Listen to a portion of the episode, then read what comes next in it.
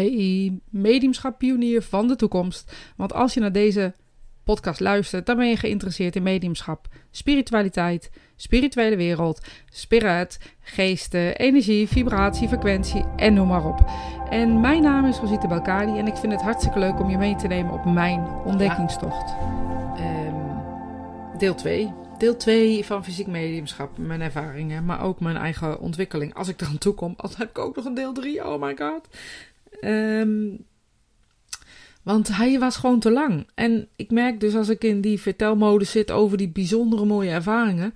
Um, ja, dat ik, er dan, dat ik hem dan te lang vind. Mocht je niet geluisterd hebben naar de vorige. Um, en heb je daar ook geen zin in. Dat mag, dat kan. En dat begrijp ik trouwens helemaal. Ik ben iemand die alles door elkaar heen luistert. Um, dan gaat het over fysiek mediumschap. En leg ik uit wat fysiek mediumschap is. hoe je um, hoe je dat kunt zien ten opzichte van mentaal mediumschap en de verschillen daarvan. Um, en ook waarom in het donker, uh, waarom uh, vastgebonden, waarom, waarom, waarom, waarom. Dus daar leg ik dat allemaal uit. En ik vertel je over mijn eerste ervaring in de seance met Scott Milligan en mijn eerste ervaring bij David Thompson, die allebei nogal uh, indruk maakten, maar ook nog wel over anderen gingen of zo op een bepaalde manier. En ik ga je in deze uh, podcast vertellen over de ervaringen die me diep geraakt hebben. Uh, dus mocht ik ergens volschieten, sorry daarvoor. Um, maar ook de ervaringen die uh, ik zelf op dit moment uh, heb met het ontwikkelen van het fysieke mediumschap met mijzelf. Dus mijn fysieke mediumschap. Um, dus daar wil ik je eigenlijk ook in meenemen. Ik weet niet of ik er in een korte fase aan toe kom. Laat ik maar even zo zeggen. Dus wie weet wordt het wel deel 3. Uh, dan skip je lekker door als je het zat bent. En anders, hartstikke leuk dat je luistert. Um, deel 2 dus. Toen ik um, deze twee seances uh, had meegemaakt, uh, wilde ik alleen maar meer, meer, meer. En dat is echt waar. Dit is, ik wil niet zeggen verslavend, want dat zou niet waar zijn. Maar het is, maakt zo'n diepe indruk. Ja, dat je met je verstand dat eigenlijk niet zozeer kan overbrengen. Het is een, een diepe, diepe, diep raken op een, op een nou ja, pff, weet ik het, zielsniveau. Um, die, die echt zijn weerga niet kent. En ook uh, de gesprekken die ik in die seances later met, met uh, Daniel bijvoorbeeld uh, gehad heb. Dat is echt, echt heel bijzonder. Maar ook wel gewoon met transmediumschap daarin. Um, kan ik later nog terugkomen op deel 7. nee. Um, maar dit is dus uh, uh, mijn ervaringen. Toen ik uh, deze twee had meegemaakt, kwam ik erachter dat Scott dus in Nederland wel eens kwam. En hij kwam wel eens bij José Goschalk. Die doet dat overigens niet meer, hem faciliteren. Hij doet het nu geloof ik zelf en komt hij naar Nederland. Nou ja, ik weet het niet precies. maar in ieder geval nu uh, toen, toen die tijd deed zij dat nog. Dan gaf ze een weekles en dan kon je op dinsdagavond, geloof ik, een seance meemaken. Nou, ik wilde dat, dus ik wilde zo'n seance meemaken. Nou, gebeld en inderdaad, er waren nog plekjes. Dus we waren met een man of drie, vier ook weer naar zo'n seance gegaan. Niet in de week zelf, dus we hadden nog niet in die week zelf ontwikkeld, maar we gingen gewoon naar die seance toe. Hetzelfde verhaal, hetzelfde protocol. Uh, wordt vastgebonden. Het is in het donker. Je hebt independent checkers. Die gaan alles controleren. En uh, later uh, besef je dan waarom dat nodig is. je zit in het pikken donker. Er speelt muziek. En dan mag je mee gaan zingen. volgens mij zelfs Bon Jovi. Allemaal dat soort muziek. Die gewoon mee te zingen is. In ieder geval van je de refreintjes van kent. I Will Survive is een liedje wat je vaak hoort ook in seances. Um, uh, True Colors, Whitney Houston. Allemaal liedjes die, die vrij makkelijk mee te zingen zijn, omdat we ze zo vaak gehoord hebben op de radio. Nou goed. En dat meezingen doe je dan puur voor power op te bouwen voor de spirituele wereld. Maar dus ook wel voor een beetje afleiding, want je zit toch in het donker. En nou ja, er zijn ook wel wat mensen die dan misschien wat angsten of zo eh, ervaren. Dus je zingt mee. Dat hoeft niet luid, dat hoeft niet hard, maar ja, goed, um, dat mag wel. Oké, nou de seance begint. Daniel komt, er wordt van alles verteld. Filosofie, Morningstar, Erik, weet ik wel. Uh, wat er allemaal uh, voorbij komt. Allemaal mooie, prachtige filosofieën. Echt schitterend. Die raken, die vertelt over de wereld. En waarom we eigenlijk veel betere eh, liefde kunnen verspreiden en hoe we dat beter kunnen doen. Nou ja, goed. Ehm, mooie filosofie, een mooie, prachtige, uh, geïnspireerde, in, nee, ik moet niet zeggen geïnspireerde, inspirerende woorden. En in dit geval um, was ik dus ja, daar en ja, ik vond het hartstikke leuk. Je zit te zingen met elkaar, et cetera. Nou, op een gegeven moment komt er een, um, zoals Daniel, dus een van de gidsen die sprak, zei: um, Ik heb hier een vrouw. En ik weet niet meer precies hoe die begon, dat, dat kan ik me niet meer zo goed herinneren. Uh, maar hij begon bewijzen te leveren, dus feiten te brengen over mijn oma die in de spirituele wereld is. En um, over hoe ze was, over hoe ze in het leven stond. Maar volgens mij begon hij zoiets van: Ik heb hier een oma die haar kleinkind de eerste paar jaar van haar leven heeft opgevoed. En nou komt dat natuurlijk wel vaker voor. Um, dus ik dacht wel: Oh, dat is bij mij ook zo. Bleek dus inderdaad mijn oma te zijn. En er kwamen nog wel meer bewijzen die ik nu even zo gauw niet meer weet. Uh, maar wel die echt wel indruk op me gemaakt hebben, zeg maar. En waardoor ik zei van ja, maar dit is mijn oma. Uh, hij zei van nou, klopt dit dan ook? En klopt dit dan ook? En klopt dit dan ook? En ik zei alleen maar ja, ja dat klopt. Dat klopt allemaal. Dus alles wat er kwam, dat klopte. Um, hij zei ook nog, je opa is er ook bij. Herken je het als hij altijd uh, een bepaald fluitje had? Ja, nou, dat was ook zo. En allemaal dingen die over mijn opa en oma klopten. En ook inderdaad dat ik daar dus de eerste paar jaar van mijn leven uh, in huis uh, ben geweest. Goed, lang verhaal kort. Um, op een gegeven moment zegt hij, um, en ik heb in de andere, voor, in, in de andere podcast sorry, al uitgelegd wat een voicebox is. Dus dat dat een, een lichaams-eigen stof is van, de, van het medium wat uitscheidt, dat ectoplasma is. En waar dus een solide substantie van gecreëerd wordt die uh, stembanden uh, ja, nabouwen. voicebox dus genaamd. Nou, en wil je, als je oma door de voicebox komt, met haar praten? Zegt hij tegen me. Uh, ja, natuurlijk wil ik dat. Ik bedoel, kom op. Als jij nu luistert, denk je toch ook: ja, dat wil ik. Ja, ja, ja, dat wil ik. Natuurlijk wil ik dat. Dus, uh, oké, het voicebox wordt opgerekt. En dat wordt dus opgerekt door een opera-achtige stem. Die dus echt hoog. Ik ga het echt, het echt niet uh, lastig meevallen. Maar die dus op een hoge vrouwelijke toon echt op een hoge manier door die stembanden heen trilt om die stembanden dus nou ja, warm te maken. Net zoals wij brrr, moeten doen of um, um, moet, uh, de spirituele wereld dat dus ook. Die moet die stembanden een beetje spreek klaarmaken. Nou, dat is op een gegeven moment klaar. Uh, ik hoor um, de woorden hey liefet, of zoiets, of hey liefje. Nee, hey zusje, zei ze. En zo noemde ze me altijd, hey zusje. En ik dacht alleen maar, hè? En haar stem weet ik gewoon niet meer. Als je uh, begrijpt hoe ik dat bedoel. Ze is al lang overleden. Ik kan haar gevoel heel goed herinneren, wat ze me gaf en alles. Maar haar stem weet ik niet zo goed meer. Ik weet nog ongeveer hoe het voelde, haar stem. Dus het was een vrouwenstem. En ze sprak, hey zusje. En ze ging... Uh, ja, dingen zeggen in het Nederlands over mij, tegen mij. En uh, ik volg je en ik zie je en ik ben zo trots op je en je doet het hartstikke goed. En nou ja. En ik kon gewoon niets terugzeggen, zou ik je dat zeggen? Ik was gewoon in shock of zo. Ik weet het niet. Nou, niet, niet waar. Maar ik dacht echt, um, oké, ik moet dus nu iets terug gaan zeggen. En mijn hoofd dacht elke keer, um, oké, ik moet dus iets terug gaan zeggen. En het was net of ik niet, ja, en niet ertoe kwam hoorde ik ook nog op de achtergrond een fluitje. Hoe mijn opa altijd floot. Dus die kwam er ook nog uh, door. Ik zeg, oh, ik hoor opa ook. Ja, zegt ze, we zijn samen. En um, nou, ik weet niet, ik weet geen eens meer wat ze precies gezegd hebben. Maar ik weet nog wel echt dat ze wel, echt wel, ja, misschien wel een minuut of zo. Uh, misschien wel twee minuten, ik weet het niet meer, maar tegen me sprak. En um, ja, dat was fantastisch. Het was klaar. Um, ik was een soort in shock. Je moet daarna nog zingen. Ik weet geen eens meer of ik dat gedaan heb. Die hele seance kan ik me eigenlijk niet zoveel meer van herinneren. Alleen maar het moment dat zij tegen me sprak. En um, nou ja, klaar. ik dacht, wow. Wow, weet je, dat had een... Dat gebeurde in mijn lijf. Ik kan je niet vertellen wat daar gebeurde. Mijn hele systeem stond op hol, waar ik het al zeker wist, wist ik het nu dubbel zeker. Die spirituele wereld, die is echt wel echt. En iedereen kan roepen Um, hypno of hypnose, voor mij is telepathie.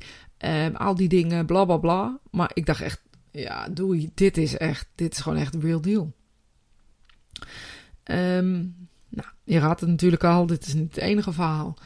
Um, we hebben een, een, een, jaar later, of weet ik hoe lang later, dacht ik, nou weet je wat, dan ga ik ook eens zo'n week doen. Dus ik bij José zo'n week um, met seances en dan elke avond, of elke middag eigenlijk, uh, gaat Scott in de trance, staat dus niet fysiek, maar in de trance heb ik in die andere podcast uitgelegd wat daar dan verschil van is. En dan spreekt Daniel via hem, dus dat is dan een passieve staat van mentaal mediumschap. En dan spreekt Daniel via hem en uh, nou, dan heb je ontzettend leuke gesprekken mee. En je kan dingen vragen over, nou weet ik het, hoe zit het dan met de reïncarnatie? Uh, nou ja, maar goed. Um, ja, echt, daar heb ik zoveel van geleerd, zoveel van gelachen. Maar ook dat de spirituele wereld gewoon is zoals wij. Helemaal geen heilige of um, opgestegen meesters waar je niet tegen mag praten. Of engelen die niet, geen connectie kunnen maken. Nee, gewoon mensen zoals jij en ik. En die helpen ons in spirit. Dat noem, dat noem je dan gidsen. En die begeleiden ons. En uh, dat was fijn, dat was leuk. En ik heb zoveel dingen van hem uh, geleerd. En um, ja, vragen kunnen stellen. Maar goed, in die week gaat hij dus ook weer een seance doen. En dit was denk ik een seance uh, voor studenten alleen. Dus dat je dan in die week doet hij overdags ook nog ergens een, een seance. Dus niet waar allemaal mensen publiekelijk zeg maar komen. Ik zit daar en ik heb uh, een, een, kennis van mij die zit daar ook. En die, uh, onze geliefde deler is niet alleen mediumschap, maar ook Griekenland. Ik, ik kom, mijn vader komt daar natuurlijk vandaan. Maar zij komt daar ook al jaren. Echt al vanaf, vanaf kleins af aan komt ze elk jaar in Griekenland. En uh, dus echt, ja, kent Griekenland goed, kent de taal ook uh, redelijk. Nou, dus die, uh, dat hebben we. Nou, dat gezeggende te hebben, zitten we dus in zo'n seance. Hetzelfde verhaal, vastgebonden in het donker. maar alleen voor studenten. Dus dan zit je met een man of, met ik het, 25 of zo. En we, zijn, we beginnen en, nou, de hele shabam en nou, kinderen, nou, weet ik veel wat. Allemaal dingen die gebeuren. En ineens, ja hoor, uh, Daniel, ik heb hier een jongeman en hij gaat van alles vertellen. En je raadt natuurlijk al, mijn broer. Mijn halfbroer moet ik eerlijk zeggen, maar ik zeg altijd mijn broer. En uh, dingen die hij vertelde, die klopten allemaal, die, die ik overigens niet meer weet, maar alles klopte. En hij zegt tegen mij natuurlijk de volgende woorden. Zou je met hem willen spreken als hij door de voicebox komt? Uh, ja, natuurlijk. Maar ik wist nog van de vorige keer dat je echt wel dicht kan slaan. Dus ik tegen mezelf zeg, Rosiet, hou jezelf erbij. Dit is een bijzondere ervaring. Um, praat tegen hem als die komt. Dus een soort mezelf toegesproken. Um, nou, op dat moment uh, wordt de voicebox opgericht. Nou, dan, dan, dan bouwen de, de spanning of de zenuw of de verwachting bouwt wel op, moet ik zeggen. En um, ik weet niet meer precies hoe, maar ik hoorde een naam. Niet die van mijn broer, maar wel een Griekse naam. Ik zeg, wat hoor ik nou? Wat hoor ik nou? En het klonk Grieks. Ik had verwacht, hij gaat in het Nederlands tegen me praten. Ik spreek niet zo goed Grieks. Ik spreek wel wat, maar niet heel goed. Uh, dus diegene die daar ook zit, die zegt... Hij praat in het Grieks tegen je. En ik hoorde de naam van... Um, de... Moet ik even kijken of ik het goed zeg. Uh, mijn broer, dus mijn halfbroer, heeft twee dochters. Een van die dochters um, was toen inmiddels getrouwd. Heeft hij nooit meegemaakt, want hij, zij was twintig toen hij kwam te overlijden. Inmiddels getrouwd. We hadden een paar weken daarvoor met elkaar gezeten, dat wist niemand. Uh, en ze zei van, joh, ik zou zo graag willen weten wat mijn vader van hem vindt. Ik zei, nou, ik weet zeker dat hij, hij hem helemaal geweldig had gevonden. En dus wat deed hij? De eerste, helemaal niet naar mij toe. Hij zei alleen maar uh, zijn naam. En daarachteraan dat hij hem goed vond in het Grieks. Dus echt wel een behoorlijke zin is dat. Ik dacht alleen, oh, ik zeg maar, ik hoor je, ik hoor dat je het zegt. Dus ik ging het in het Nederlands herhalen en toen hoorde ik hem zeggen, ja, dat klopt, dat bedoelde ik. Even een slokje hoor.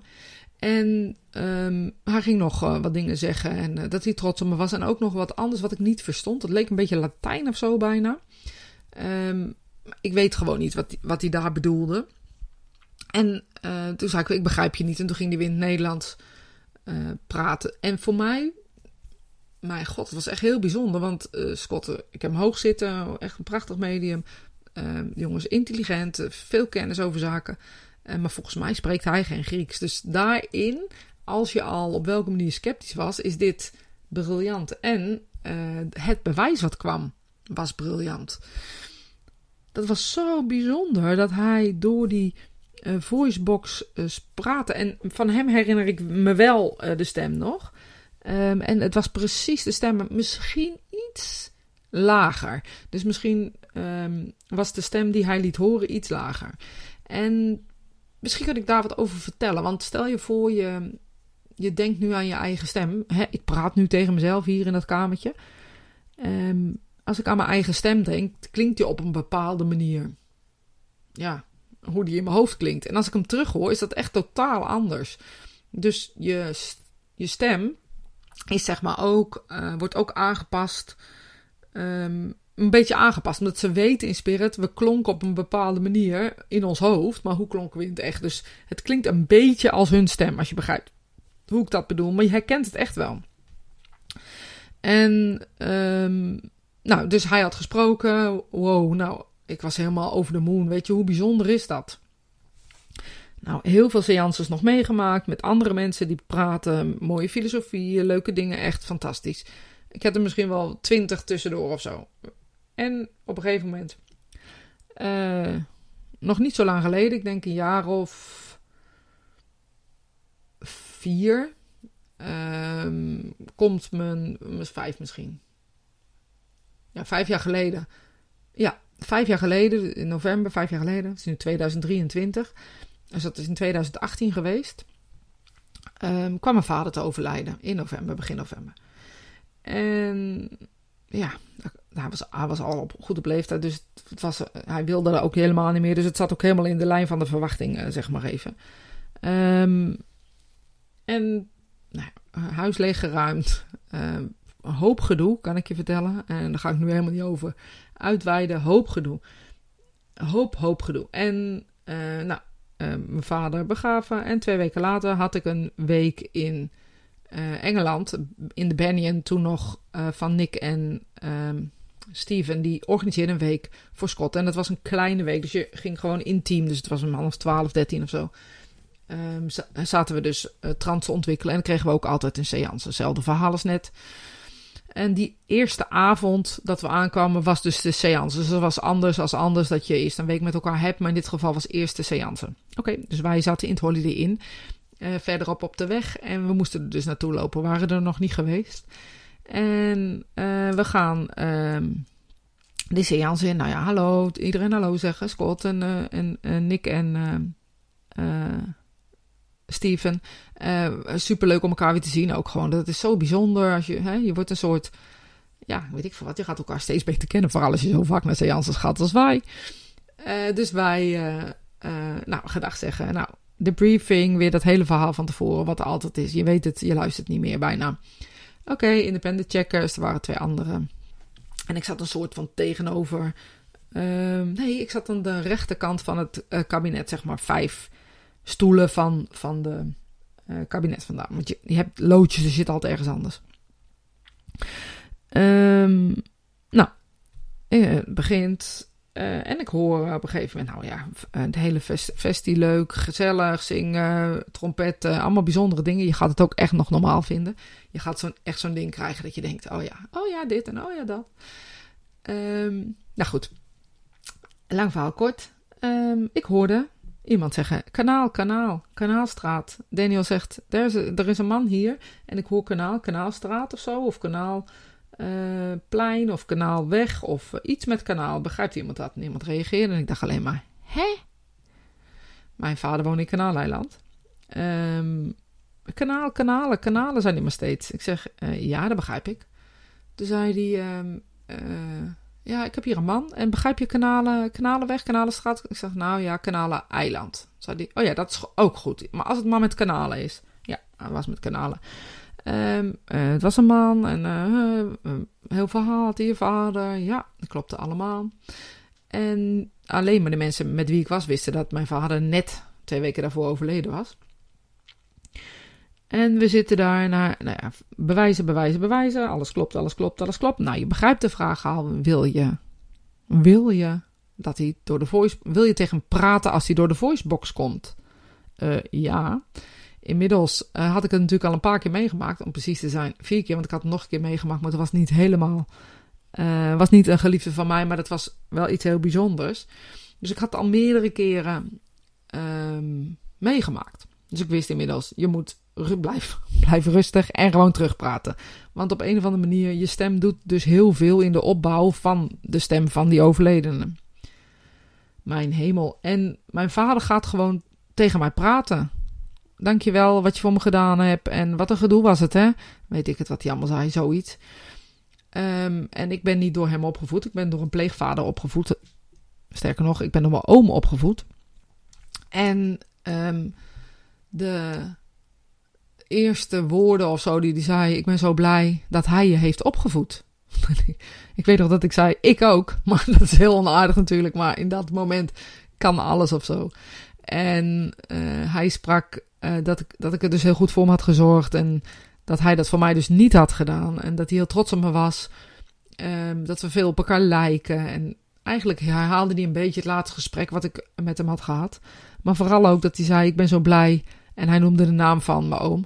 Uh, dat hij je heeft opgevoed. In het Nederlands. Ik was echt warm, koud.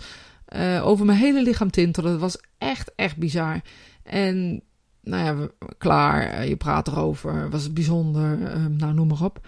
En ik zat toen zelf ook al voor fysiek mediumschap. En dat was in een periode dat ik ook aan mezelf twijfelde weer eens een keertje.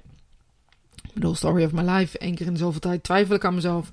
Ik kan het niet. Wat ben ik eigenlijk aan het doen? Wat een onzin. Laat een andere doen. Ik heb hier geen zin meer in. Um, en dat gaf me weer de boost of zo. Dus buiten het feit dat ik het heel mooi vond, gaf het me ook weer de boost om door te gaan. Want stel je nou eens voor dat er ooit, ooit, ooit, ooit, als het bij mij zo is dat ze gaan spreken via de voicebox, of waar dan ook, of hoe dan ook, één iemand zijn geliefde weer even kan laten luisteren, voelen, horen, ruiken, weet ik veel wat. Um, op een fysieke manier. Dus niet op een manier die je misschien dat er iemand door de kamer loopt. Nee, dat er echt, dat echt je geliefde daar weer is. Dat is zo helend. Dat is echt, echt niet normaal. Ik zat zelf al een paar jaar voor trans toen die alle allereerste seance bij Scott in het Arthur Findlay College gebeurde. En ik was nogal eigenwijs, want de spirituele wereld had via mij, dus via mijn transmediumschap, dus in het mentale mediumschap, al een tijdje tegen me gezegd dat het donker moest. Nou, ik zat dan, deden we de lampen uit, maar dan zagen we niks. Dus deden we rood licht aan, kaarslicht aan, nou weet ik wat allemaal gedaan hebben. En in die, die week, die alle allereerste aanraking met mijn eerste seance, uh, was er voor de seance een, een gastles van Scott, waarin hij zei, de spirituele wereld, en hij wees naar mij, zegt tegen je dat je niet luistert en dat je in het donker moet zitten. Want ze willen kijken hoe ver ze met je kunnen komen voor fysiek mediumschap. En dat is een beetje de, ja, het begin geweest. En dat is zo acht, negen jaar geleden of zo geweest om te gaan zitten. Toen ben ik uh, vier jaar later ziek geworden. Uh, heb ik een tumor bij mijn maag gehad. En uh, moest ik daarvan herstellen, fysiek en ook mentaal. En heb ik een tijd niet gezeten. En eigenlijk reken ik altijd vanaf het moment um, dat ik weer ben gaan zitten na muziek zijn, zeg maar even. Dus dat is zo'n vijf jaar geleden, iets langer. Uh, dus ik zit nu vijf jaar voor fysiek mediumschap. En in mijn ontwikkeling op dit moment zijn er echt wel fenomenen die, die heel bijzonder lijken te worden. En die nog niet echt zo zijn zoals waar ik het nu over heb hoor. Maar die heel langzaam uh, solider, solider worden of uh, meer vol worden of bijzonderder worden. En ja, dat zeg ik niet, want ik maak dat zelf niet mee. Want ik zit in, in het kabinet in de transstaat. Um, en ik maak, maak helemaal niks meer mee. Dus ik ben helemaal oud, laat ik het maar zo zeggen. Er wordt ook niet gesproken via mij in donker. dus gebruiken niet mijn stembanden. Er is gewoon niets. Ja, er is wel veel, maar ik bedoel niet fysiek. Ik moet er even slokje nemen. Komt dat ik uh, twee podcasts achter elkaar opneem, dan krijg je dat. um, En de, ja, de, de, oh ja, fysiek mediumschap. Dus, dus mijn ontwikkeling is, mijn ontwikkeling is echt nog in ontwikkeling. Dus mijn fysiek mediumschap um, ja, is nog niet op een, op een plek waarbij je kan demonstreren of anderen, als het überhaupt al op zo'n plek komt, hè, laten we zeggen, want dat weten we dus niet. Uh, dus ik ben ont, aan het ontwikkelen voor fysiek mediumschap. Er is een mist en grijze draden en uh, echt wel duidelijke tekenen van ectoplasma in de kamer. Dus er zijn we echt wel aanwijzingen dat, het, ja, dat, dat er fenomenen zeg maar, aankomen. En het kan gewoon tien jaar duren uh, voordat dat echt solide wordt. Ik noem het altijd voordat de intelligentie inkomt. En fysiek mediumschap vergt gewoon discipline. Uh, toewijding, dat is misschien nog een beter woord, om elke week met een groep mensen te zitten. Maar het vergt ook wat van die groep mensen om elke week uh, weer te komen. Alles aan de kant te zetten, wat er ook gebeurt, en komen. Ik bedoel, als het leven je andere dingen vraagt, is het anders. Maar normaal gesproken uh, ga je gewoon zitten en bouw je eigenlijk om je in ons geval woensdagavond heen. En ja, de afgelopen vijf, zes jaar zijn er mensen gekomen en mensen gaan. Uh, omdat het best wel een, commitment vergt. Maar je blijft altijd op een unieke wijze met elkaar verbonden. Dus mijn ontwikkeling, of de ontwikkeling van Spirit eigenlijk, want ik zit eigenlijk alleen met mijn ogen dicht, is daar um, ja, echt bezig. En wat ik gemerkt heb, is dat dat me ook op een unieke manier een verbinding met de spirituele wereld heeft gegeven. Uh, doordat ik zo'n overgave heb en dat ik zeker weet dat ze me gebruiken en nooit misbruiken. Um, ja, voelt dat zo bijzonder eigenlijk. En ja, het is een lange ontwikkeling, maar het is het waard als ik dan terugdenk aan al die momenten die ik zelf um, uit de voicebox heb gekregen. Dat ze tegen me spraken en dat ze zeiden: We houden van je. We weten dat we niet zo, niet zo goed hebben gedaan. Het spijt me. Um, ja, dat was voor mij echt life-changing. Dat kan ik je vertellen. Dus uh, ja, einde deel 2. En het grappige is dat ik uh, dus ook merk dat ik uh, ook al verteld heb over mijn eigen ontwikkeling als fysiek medium. Dus mocht de spirituele wereld op een of andere manier aan jou laten weten dat je in het donker moet zitten, en ga gewoon zitten en heb geduld. En heb gewoon een paar jaar geduld. En vraag geen.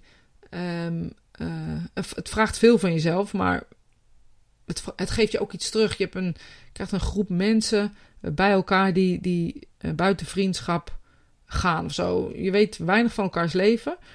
Maar je kent elkaar zo intens op zo'n unieke manier dat je ja, zo'n diepere band hebt met elkaar. Ja, dat is echt bizar. Dus ik zou iedereen aanraken om een cirkel te gaan zitten. Uh, ook al is het niet per se met een medium, ga gewoon met elkaar zitten. Um, ontwikkel stilte, ontwikkel um, een half uur in de week met elkaar een blending. En dan hoef je nog ineens iets te doen. Er hoeft niets te ontstaan, er hoeft niets te zijn. Uh, het is zoals de spirituele wereld zo mooi zegt: de, de, de backbone van je mediumschap. Het is de hele fundering van je mediumschap. Is het zitten één keer in de week zonder verwachtingen, zonder kunstjes te hoeven voelen of ervaren. Dus ik zou het iedereen aanraden om één keer in de week in de stilte met een speciaal uitgekozen familie um, een diepere verbinding aan te gaan. En zonder iets te verwachten van de spirituele wereld, maar gewoon te zitten om te zitten. Ja, nou, einde bericht. einde bericht. Ik zit alweer op een half uur, dus het is uh, genoeg voor deel 2. En ik hoop dat je het leuk vond en um, nou, ik uh, spreek je snel, ik hoor je snel, of jij hoort mij snel eigenlijk. En mocht je nou een onderwerp hebben die je leuk vindt, um, laat het me weten. Mocht je uh, een collega zijn die het leuk vindt om een keer in gesprek te gaan over mediumschap of over ja, dingen, hoe je, hoe je je mediumschap ontwikkelt, wat je tegengekomen bent. En uh, je hoeft niet uh, 100 jaar in mediumschap te zitten, maar zou je het leuk vinden, rijk uit. En nou ja, tot snel, tot de volgende keer. Dankjewel.